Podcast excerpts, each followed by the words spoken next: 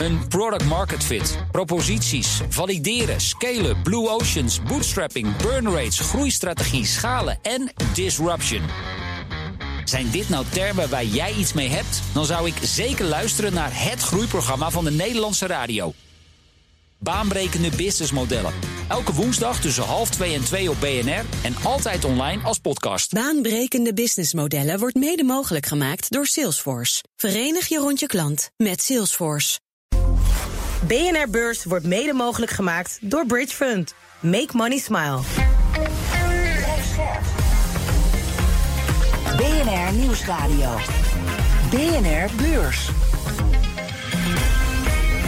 Wesley Weerts, Jelle Maasbach. Welkom, goed dat je weer luistert naar BNR Beurs, de podcast voor de slimme belegger. Ja, en vergeet je dan vooral ook niet te abonneren in je favoriete podcast-app. En we hebben het heel vaak gezegd, ga het gewoon nog een keer doen. Je kan vragen insturen, die kan je naar bnrbeurs.bnr.nl mailen. En dat zijn niet vragen aan ons van heb je nog rozen gekregen of iets leuks Nee. voor Valentijnsdag. Nee, nee, nee, nee. echt vragen aan de expert en die gaan we dan vrijdag aan hem voorleggen. Inderdaad, ja, het is Valentijnsdag, 14 februari dus. De dag dat de AX heel eventjes boven de 770 punten piekte. De hoogste stand sinds januari vorig jaar. Maar die flirt die was van korte duur. Want de winst die ging verloren. En uiteindelijk eindigt de AX nipt hoger. Net onder de 763 punten. ArcelorMittal ging aan kop met een plus van 2,7 procent. Gevolgd door KPN en Adyen. En onze gast vandaag is Jean-Paul van Oudheusden van Markets Are Everywhere. En analist bij eToro. Ja, ik wil eh, beginnen deze aflevering met president Biden. Die doet iets opvallends. Hij wil namelijk de strategische olievoorraad aanspreken. Dat deed hij al eerder om de prijs te drukken. En hij breekt nu opnieuw dus die voorraad aan. 26 miljoen vaten om precies te zijn. Nou. Gaat allemaal eh, in de lente gebeuren, meldt Bloomberg. Dat zorgt voor boze reacties bij de Republikeinen. Want die vinden het maar niks dat hun voorraad naar andere landen gaat. President Biden has released 180 million barrels of our strategic petroleum reserve, bringing it down to a 1985 level. Over 1 million barrels went to a Chinese affiliated company. At the same time, China is reportedly holding its own crude oil reserves of 900 million barrels. Doet het altijd lekker bij de achterban, hè? altijd over China roepen. Maar Jean-Paul, waarom doet hij dit nu? Weer die strategische olievoorraad aanspreken? Het voelt zo gek. Nou ja, hij wil eh, kosten wat kost die energieprijzen omlaag hebben. En dat gaat hem niet snel genoeg. We hebben natuurlijk al eh, gezegd, bij Exxon verdienen ze meer geld dan God. Eh, ja, en dan denkt hij van, nou, dan doe ik het op deze manier. Vind je het te slim, hè, meneer? Ja, slim. Kijk, die energieprijzen die moeten wel omlaag. Eh had denk ik liever gezien dat ze het op een andere manier zouden doen. Maar eh, dat het omlaag gaat, is al een goede zaak. Ik ben al een tijdje die beurs in Londen een beetje aan het volgen. Eh, en het bleek al langer dat die Britse aandelen in trek zijn. Maar vandaag eh, brak de Britse beurs een record, opnieuw eigenlijk een record. En dat terwijl die FTSE 100, hè, dat is die hoofdindex, nog niet zo lang geleden in het verdomhoekje zat. Hè, want ja, er waren geen hippe techbedrijven. Ehm, want alleen mijnbouwers, oliebedrijven, banken, verzekeraars. Ja, een beetje oldschool, hè? Ja, de oude economie. En dus vonden beleggers dat lange tijd niet interessant. Maar dat is nu wel anders, want ja, die aandelen die worden nu dus weer veel gekocht. Eh, en dat is denk ik ook wel logisch als je kijkt naar bijvoorbeeld die miljardenwinsten van BP en Shell. Hè, gestegen rente, goed voor de banken en verzekeraars. Maar of je als belegger daarom moet verkassen naar die beurs van Londen, dat gaan we zo meteen bespreken. Ja, en gisteren hadden we het over auto-aandelen. Mocht je die uitzending gemist hebben, luister die vooral terug. Toen ging het ook over Tesla. Daar hebben we het met Jean-Paul ook heel vaak over gehad. Over Tesla, een van de best presterende autobouwers op de beurs. Ja, vind jij een leuk aandeel ook? Vind ik een leuk aandeel. Ja, het gebeurt altijd wat, hè. vooral met eh, Elon Musk aan het roer. Leuk nieuws eh, voor aandeelhouders natuurlijk, want vorig jaar was het een ramp als je erin zat. Nu doen ze het goed op de beurs. Maar minder leuk nieuws voor een aantal handelaren die gegokt hadden op een daling. Business Insider schrijft dat degenen die short gingen vorige maand nu 7,6 miljard dollar kwijt zijn. Ja, gegokt en veel geloren- verloren. Maar Jean-Paul, zij hadden het dus niet verwacht. Had jij wel verwacht dat Tesla het zo goed zou doen op de beurs? Nou, ik denk de, de hele rally die we op dit moment hebben, die heeft veel mensen verrast. Kan best verwachten dat de beurs, eh, als het op een gegeven moment heel ver gedaald is, dat het weer omhoog gaat. Maar het is de afgelopen maand, zes weken, wel heel erg hard gegaan. Ja, ik zag nog iets anders leuks. Airbus, vliegtuigen. Eh, want ze hebben een topdag. Uh, zij maken zich klaar voor een megabestelling. Die komt van uh, een Indiaanse luchtvaartmaatschappij, uh, Air India. Want die wil daar namelijk eventjes 250 vliegtuigen gaan kopen. Oh, dat is wel een leuke order. Ja, dat is een hele leuke order. Sterker nog, het is een van de grootste orders in de geschiedenis van de commerciële luchtvaart. En het kan zomaar 16 miljard dollar in het laadje van Airbus brengen. En die luchtvaartmaatschappij die wil ook nog groeien. En dat kan dan weer goed zijn voor Airbus. Want ja, dat betekent dat ze misschien nog meer bestellingen krijgen op termijn. Ja, klinkt, eh, klinkt goed. Eh, uitzendreus eh, Randstad dan kwam vandaag met kwartaalcijfers. Goede cijfers. Maar er waren wel wat maren. Geen extra dividend, wel een aandelen inkoop. En de CFO stapte op. En dan kwam het bedrijf ook nog eens met een waarschuwing. De beurs van Londen was stoffig en achterhaald. Maar is nu de beurs voor beleggers. Wat er voor jou te halen valt, dat hoor je zo meteen. 2022 was een goed jaar voor Randstad, maar wel met een kil einde. Het vierde kwartaal was duidelijk minder goed. Klanten van Randstad die vreesden voor een recessie mhm. en ze huurden minder tijdelijk personeel in. In ons land groeit de vraag nog, maar in andere gebieden loopt het minder goed. Dat ziet Randstad in onder andere Noord-Amerika, Spanje en Brazilië. De grootste uitdaging is en blijft om ervoor te zorgen dat we onze klanten en talenten die we centraal stellen, de juiste banen kunnen blijven leveren. Ja, dus uh, Jeroen Tiel, directeur Randstad Nederland. Ja, toch een, een dipje in het vierde kwartaal. En dan is de grote vraag, zet die door? Want ze zeiden vanochtend met zo'n mooie zin... dat de klantactiviteit ook in januari afneemt. Mooi is dat, hè? Daar heeft iemand waarschijnlijk heel hard zijn best op gedaan... om met die, uh, die tekst uh, te komen. Ja. Ja, het is natuurlijk een uh, moeilijke business. Randstad heeft op de beurs het aandeel een heel goed jaar eigenlijk achter de rug gehad. Best wel uh, hard gestegen. Ja, en nu zit het er toch aan te komen. Elke keer die renteverhogingen. De economie moet afkoelen. Hè, vanuit de hoek van de centrale bankiers. Uh, Randstad is wel een bedrijf, als je naar die cijfers kijkt, wat heel erg goed hun eigen business onder controle heeft. Dat zou je ook verwachten. Maar als je ziet hoe ze die, de kosten tegenover, de marge, die hebben ze goed weten vast te houden. Dus dat is prima. Maar voor het komend jaar zal het lastig worden, denk ik. Ja, en je zag ook vandaag dat beleggers niet helemaal wisten wat ze erbij aan moesten. Want het stond even op verlies, dan weer op winst. Uiteindelijk is het eh, een kleine procent lager gesloten. Een beetje grillige handelsdag. Dus beleggers wisten eigenlijk ook niet zo goed wat ze met dit uh, alles aan moesten. Nee, het is toch ook een eh, aandeel waar over het algemeen relatief gezien ten opzichte van andere aandelen wat minder handel in is. Maar ja, als je teruggaat naar de basis, dan is Randstad eigenlijk over het algemeen vroeg cyclisch. zeg mhm. maar, hè? Dat als bedrijven toch weer ja, nog een beetje bezorgd zijn, nog niet al te veel vast personeel aannemen. Dat ze dan zeggen, nou dan huren we wat meer tijdelijk in. Ja. Uh, maar ja, dat is niet de fase waar we nu in zitten. Ja, maar toch, die arbeidsmarkt zou je kunnen zeggen, die blijft gewoon nog wel even krap. Dus dan hebben ze Randstad toch ook nog wel echt nodig. Zeker, en daarom waren die cijfers eigenlijk toch ook iets beter dan verwacht. En dat zie je met name ook terug in de marges. Bedrijven, dat hebben we ook hier op de zender een heel jaar lang gehoord... dat eigenlijk iedereen die hier bij zaken doen met kwam... die zei van ja, het moeilijkste is om goed personeel te vinden. Dus als je er dan eenmaal hebt, ja, dan ga je geen afstand... Uh, afscheid van nemen. Nee, wat uh, Wesley, uh, voordat wij de studio in, in, liepen, terecht zei... werkgevers die strooien wel echt met een vast contract. Dus dan heb je zo iemand, misschien via Randstad, die dan tijdelijk er is... dat ze zeggen, hey, wil jij niet uh, hier vast in dienst? Dan is Randstad het ook wel weer kwijt.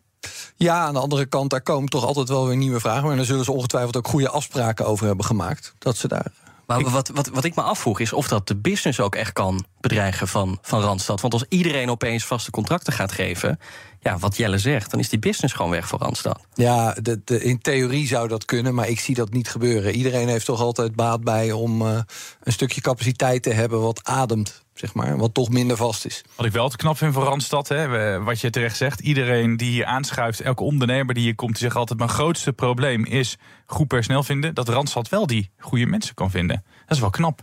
Ja, omdat ze denk ik zo dicht op hun klanten zitten... dat ze heel goed aanvoelen uh, wie ze moeten hebben... en ook uh, wat voor opleidingen dat ze die mensen uh, mee moeten geven... dat het een goede match is. En dat ja. is denk ik wel ja, de kunst van het vak dat ze uitoefenen. Jean-Paul, aan het begin van de aflevering zei ik al... dat ze geen extra dividend gingen uitkeren, maar wel aandelen inkoop. Wat maak jij daarvan? Ja, uh, voor mij, ik, de aandelen inkopen is uh, weer hartstikke populair. We zien het overal. dus ze denken van, nou ja, ik, ik denk dan altijd, ja, doe dan gewoon dividend. Dan heeft ja, die uh, aandeelhouder het ook meteen in zijn zak. maar ja, toch krijgt de aandelen inkoop de voorrang. Waar, wat bij Randstad de reden is om het zo te doen en niet anders. Dat is mij niet duidelijk geworden uit de berichten van vandaag.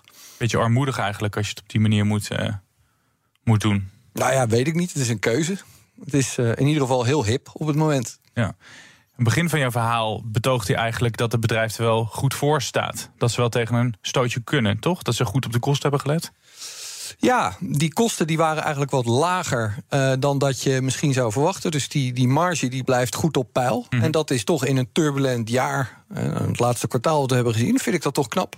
Wat, wat vind je van het aandeel Randstad? Want we hadden het net al even over die arbeidsmarkt die krap blijft. En ook demografisch heeft Randstad de, de, de wind mee. Want dat is mede de reden waarom die krapte ook de komende 10, 20 jaar misschien nog wel krap blijft. Ja, kijk, zelf zit ik meer aan de kant dat ik denk dat we dit jaar toch nog wel flink wat economische tegenwind uh, krijgen. Ik Ja, denk toch dat. Hè, je hebt nu al de eerste bedrijven die toch uh, minder produceren, minder personeel aannemen. Ik denk dat we daar toch nog wel het een en ander uh, van krijgen. Ja, dan moet maar je dat het- zou dan voor korte duur zijn. dat is voor niet duur. permanent. Ja, eh, dus het, het blijft een mooi bedrijf. Maar wat mij betreft is de timing voor het aandeel dan nu net niet helemaal goed. Als je denkt dat het allemaal wel meevalt. Hè, met de economische cijfers van vandaag, groei in het vierde kwartaal. Nou ja, dan zou ik zeggen, eh, blijf er lekker in zitten. Ja. Het is maar net hoe je ernaar kijkt. Ja, Eh, Nederland eh, zagen we in het derde kwartaal dat het toen eh, stilviel. Stilviel, nu gaat het wel weer, weer goed. Zij zitten over de hele wereld. Is dan Europa op dit moment de meest interessante markt voor ze? Of, of Nou, volgens mij niet. Als je naar de cijfers kijkt, zie je dat ze met name bijvoorbeeld in Japan en in eh, andere ver overzeese markten meer hebben gegroeid. Eh, in, eh, zijn gegroeid. In, in China was het flink teruggelopen. Maar ja, dat is logisch, want dan had je die lockdowns. Dat geloof ik min 18% of zo, als ik het zo snel zag.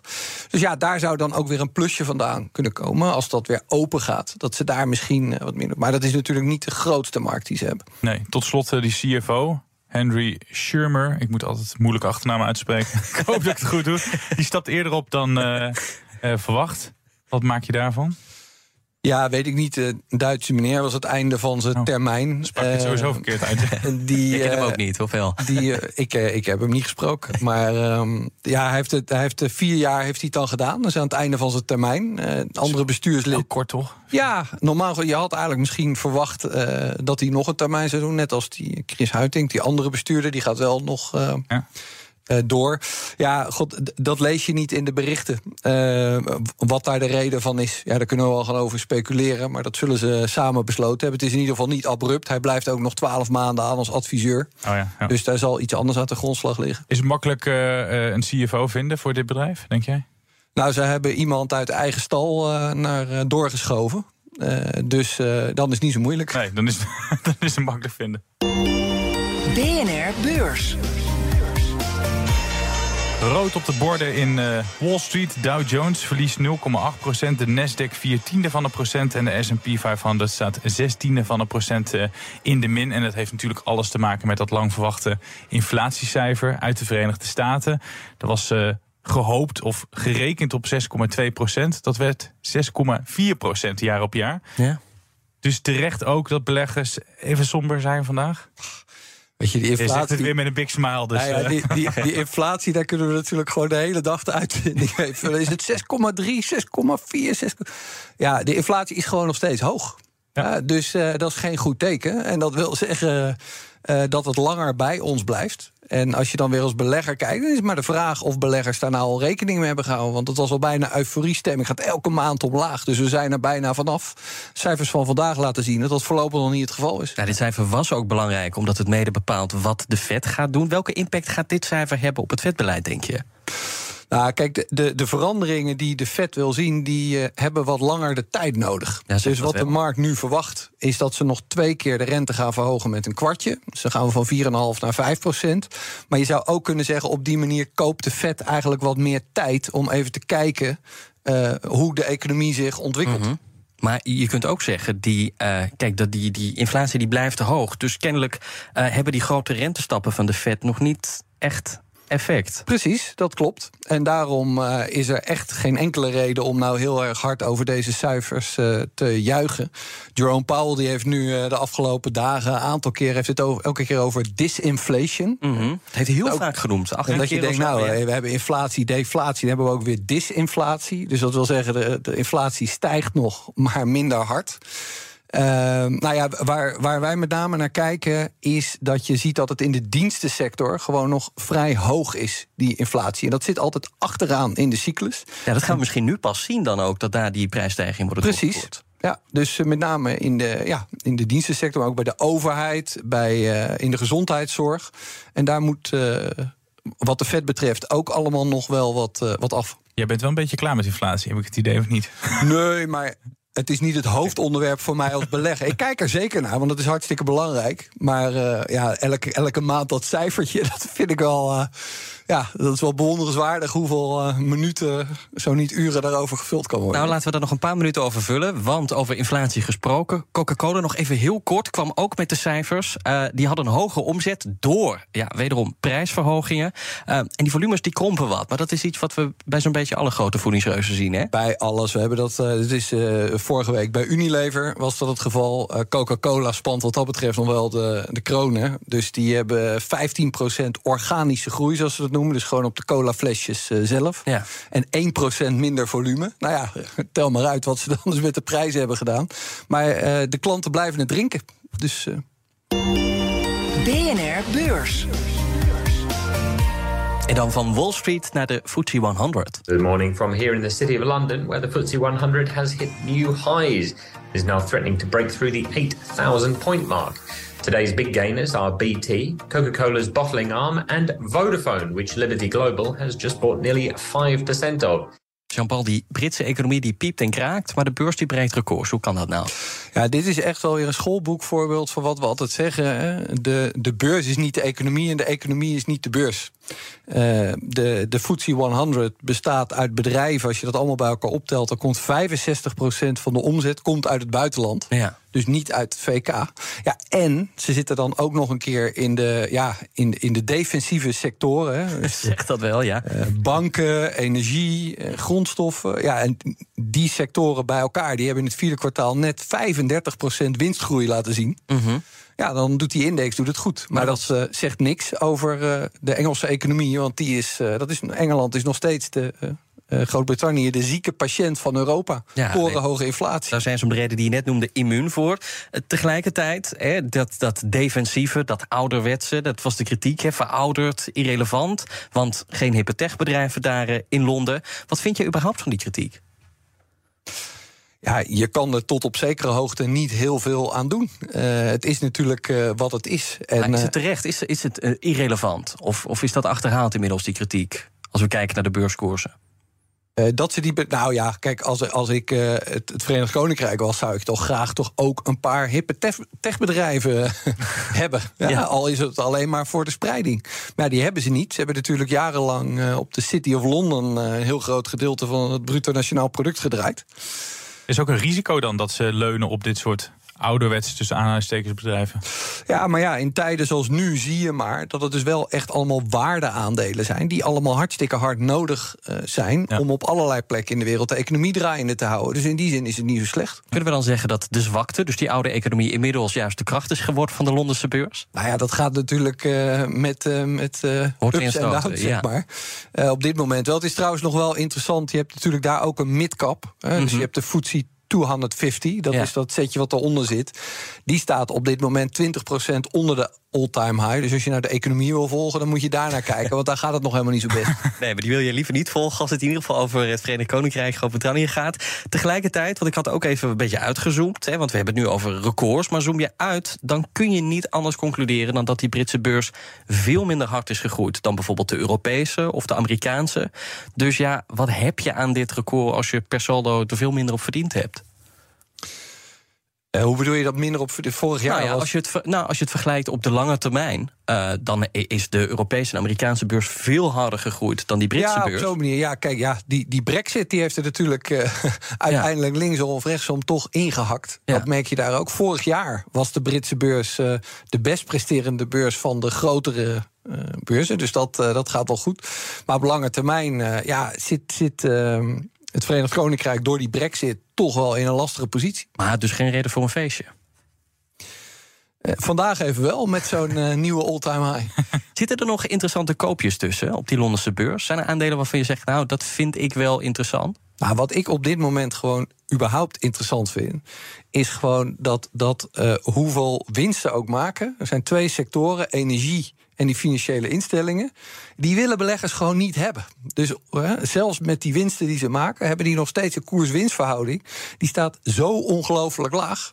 Natuurlijk Shell en uh, BP voorop. Uh, nou ja, uh, BP, die roeide even tegen de stroom in. En die zeiden vorige week, we gaan iets minder duurzaam doen... en iets meer fossiel. Ja. Toen ging dat aandeel 8% omhoog. Ik heb je ook zoiets horen zeggen. Ja, er zijn natuurlijk mensen die horen dat liever niet. Maar als je puur sec naar de ontwikkeling van de aandelenkoersen kijkt... maar met die financials, die zijn natuurlijk jarenlang enorm defensief... zijn die uh, bestuurd beheerd. Um, ja, en, die hebben heel veel uh, vet op de botten. En als het nou niet zo heel erg slecht gaat als dat misschien wel werd gevreesd, ja, dan kunnen daar toch ook nog wel goede resultaten uit voortkomen. Er zitten er dus nog wel wat uh, mooie hapjes tussen. Ja, ik zou de bedrijven wel uh, bekijken, gewoon uh, wereldwijd. Dus niet zozeer als je moet in het Verenigd Koninkrijk nee. zijn, maar meer in die sectoren. Dat vind ik dan boeiender. Ja, die sectoren. Tegelijkertijd zijn er ook anderen die zeggen, en dan gaat het over de FTSE 100, maar ook over die sectoren. Het heeft zijn beste tijd wel gehad, want de energieprijzen die dalen weer wat. Die centrale banken die lijken misschien uh, wel klaar met het optrekken van die rente. Ja, dan heb je de beste tijd al achter de rug. Of denk je er anders over? Wie zegt dat dan? Nou ja, ik, ik, las verschillende analyses van mensen die zeggen... nou, ben niet te enthousiast over die nee, ja, dat zijn misschien mensen die een specialisatie hebben in groeiaandelen. Maar jij bent wel uh, enthousiast. Nou ja, ik kijk, kijk het lijstje maar door wat, er, uh, wat erin zit. Uh, weet je, AstraZeneca, Glaxo, HSBC, nou, Shell, BP... Uh, ja, zit Glencore. zijn allemaal best hele mooie bedrijven. Maar je moet het wel spreiden, maar die kan je er prima bij gebruiken. En dan kijken we wat er morgen op de agenda staat. Het wordt weer een heel drukke kwartaalcijferdag... met maar liefst vijf Nederlandse beursbedrijven die de boeken openen. Vopak, Heineken, Ahold Delhaize, CM.com en Alphen. Van Vopak verwachten analisten veel... en dat komt voornamelijk door Vopak zelf. Het tankopslagbedrijf verhoogde tijdens het vorige kwartaalseizoen... namelijk de outlook. Het ging uit van meer winst dan waar het eerder dat jaar nog van uitging. Bij Heineken is het vooral letten op de groei... van uh, ja, eigenlijk alle markten. Het vorige kwartaal viel de verkoop van bier tegen... en over de hele wereld was de groei minder dan waarop analisten hadden gerekend. De topman van de bierbrouwer was toen ook nog eens voorzichtig in zijn outlook. En tot slot Aal Delhaize. Daar zal de omzet zijn gestegen, zoals de algemene verwachting. Wel zullen de marges op kwartaalbasis zijn gedaald. Grote vraag is wat dat alles met de winst van de onderneming doet. Van die grote drie, Delhaize, Vopak en Heineken... welke van de drie vind jij interessant? Misschien vind je ze alle drie wel leuk? Ja, ik vind ze alle drie interessant. Ze hebben allemaal wat speciaals. Kijk, uh, Aal Delhaize, ja, dat is al lange tijd een uh, favoriet. Dus ik ben gewoon weer benieuwd. Uh, die aandelen heb ik zelf ook. Dus even kijken hoe ze het morgen gedaan hebben.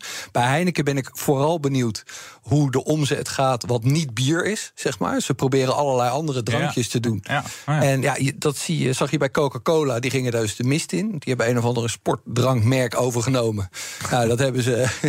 Die, die, die CFO die zei, alles gaat goed. Maar alleen dat hebben we verprutst. Dus nou, ik ben benieuwd hoe ze dat bij Heineken aanpakken. Ja, en Vopak zit natuurlijk in die energie. We hebben natuurlijk een hele grote afhankelijkheid gehad van Rusland. Dus dat is ook wel echt een hele interessante periode... waar dat bedrijf doorheen gaat. Nou, mooi. Er zijn een mooie bedrijven om op... Om op te letten. Zeker. Dit was hem alweer. Nou ja, bijna, want uh, we sluiten elke aflevering af met een uh, tip, hè? Ja, je hebt weer een leuke uitgezocht, of niet? Ja, die komt uh, uit het boekje van Corné van Zel... met al zijn beleggingswijsheden, met zijn tegeltjeswijsheden, moet ik zeggen. En deze keer ja, een soort van keurmerk over hoogstaande aandelen. Kwaliteit scoort op termijn altijd. Over kwaliteit gesproken, Jean-Paul van Oudheusden. Mooi dat je hier was, van Marksa Everywhere. Dat was weer leuk. Tot morgen. Tot morgen. BNR Beurs wordt mede mogelijk gemaakt door Bridge Fund. Make money smile. Een product market fit, proposities, valideren, scalen, blue oceans, bootstrapping, burn rates, groeistrategie, schalen en disruption. Zijn dit nou termen waar jij iets mee hebt? Dan zou ik zeker luisteren naar het groeiprogramma van de Nederlandse radio. Baanbrekende businessmodellen. Elke woensdag tussen half 2 en 2 op BNR en altijd online als podcast. Baanbrekende businessmodellen wordt mede mogelijk gemaakt door Salesforce. Verenig je rond je klant met Salesforce.